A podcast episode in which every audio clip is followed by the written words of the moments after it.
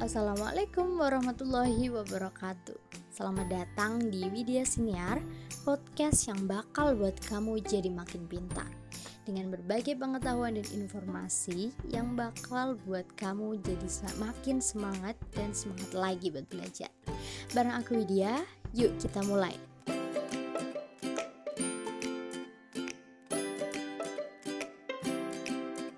Nah, sobat-sobat pintar, kalau di episode kemarin kita bahas tentang perangkat keras siaran, jadi di episode 2 ini kita bakal bahas tentang perangkat lunak siaran. Pasti sobat-sobat pintar bakal mikir, wah kita bakal jadi anak IT nih, bahas-bahas yang perangkat lunak perangkat lunak kayak ngoding-ngoding gitu kan nggak serumit itu kok sobat-sobat pintarku jadi di perangkat lunak siaran ini nanti kita bakal belajar basic-basicnya aja. Dan itu eh, nggak uh, sampai ngoding-ngoding gitu kok. Santai aja. Dan daripada kita lama-lama mending kita langsung mulai aja sekarang.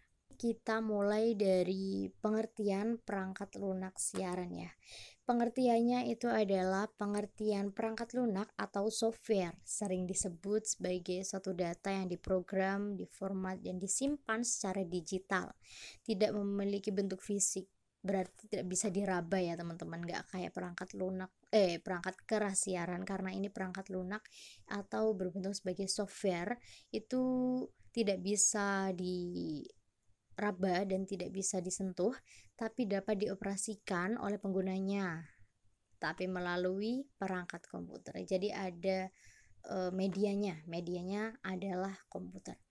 Nah, di sini ada jenis-jenis perangkat lunak nih, ada tiga.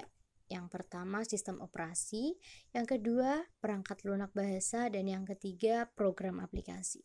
Pasti sobat-sobat pintar agak mikir nih waduh apa nih sistem operasi? Apa nih perangkat lunak bahasa? Apa nih program aplikasi? Daripada kalian pusing-pusing dan mikirin yang berlebihan gak usah deh. Kita bakal bahas satu-satu dan kita bakal mengulik itu satu-satu dengan mudah dan tanpa pusing-pusing.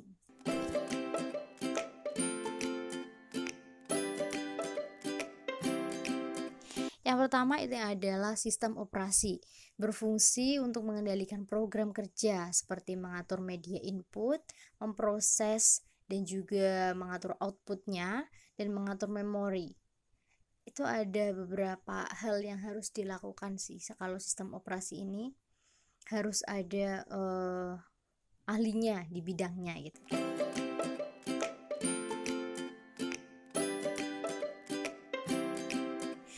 Yang kedua ini adalah perangkat lunak bahasa, yaitu perangkat lunak yang bertugas mengkonversi arsitektur dan algoritma. Aduh apa nih algoritma algoritma segala ya kan yang dirancang manusia ke dalam format yang dapat dijalankan komputer. Contohnya tuh ada bahasa pemrograman di antaranya Basic, Kabel, Pascal, C++ dan juga Fortran. Dan yang ketiga ini ada Oh belum, ada tiga macam-macam perangkat lunak bahasa. Yang pertama ini adalah bahasa tingkat rendah, yang kedua tingkatnya menengah, dan yang ketiga ini tingkatnya tinggi. Bahasa tingkat rendah ini merupakan bahasa yang digunakan oleh komputer itu sendiri. Jadi bukan untuk usernya mungkin ya. Jadi yang pertama ini ada assembly language dan yang kedua adalah RPG atau repeat program general. Yang kedua ini adalah bahasa tingkat menengah. Setelah bahasa tingkat rendah, ini ada bahasa tingkat menengah, yaitu bahasa dalam komputer yang menggunakan singkatan dan sudah mendekati bahasa sehari-hari.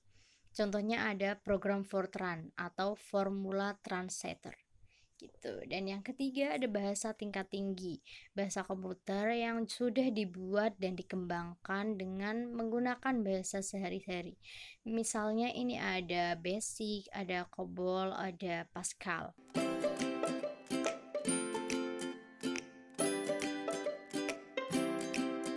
Dan yang ketiga ini ada program aplikasi nih. Kayak suatu program paket yang sedang dirancang dan dibuat khusus untuk kebutuhan tertentu.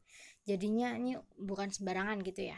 Yang pertama adalah program CAD, yaitu salah satu program aplikasi yang berfungsi untuk media lukis. Nah, ini ada macam-macam fungsinya sih ya. Kalau media lukis itu contohnya ada AutoCAD, ada ProDesign, ada Corel Draw dan Adobe Photoshop.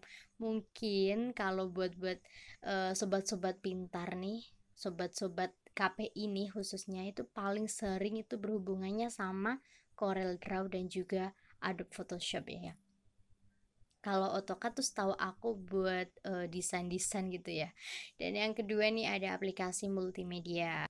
Format-format digitalnya tuh ada macam-macam nih. Misalnya ada MIDI ada MP3 ada MPEG eh, MPEG kalau orang-orang kita ngomongnya ya.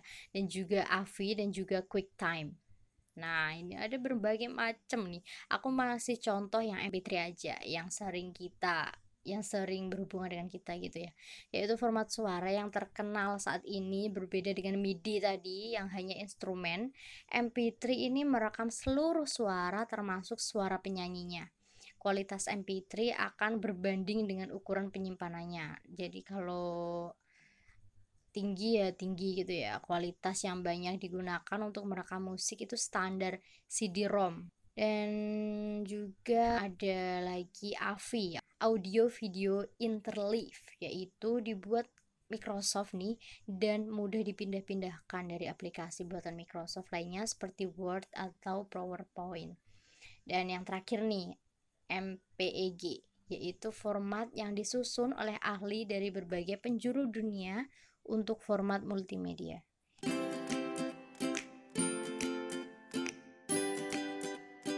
Jadi nih sobat-sobat pintarku ada banyak banget perangkat lunak. Kalau kita belajarnya teori aja nih kita juga bakal pusing sendiri karena namanya macem-macem dan gak biasa di bahasa-bahasa kita ya kan?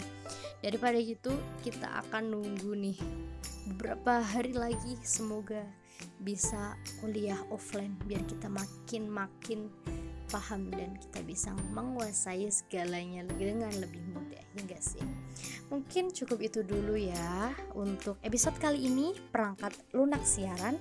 Kita bakal ketemu lagi di episode 3 yang bakal membahas tentang ayo bahas tentang apa.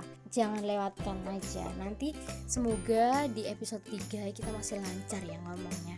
Kita bakal bahas tentang persiapan fisik dan non fisik siaran. Pasti sobat-sobat pintar pada penasaran dong soal persiapan apa aja sih? Persiapan fisik itu apa aja? Persiapan non fisik itu apa aja? Pasti penasaran dong. Dan jangan lupa buat stay tune di Anchor FM Spotify buat terus dengerin Widya Sinia. Oke sampai jumpa ke episode 3 wassalamualaikum warahmatullahi wabarakatuh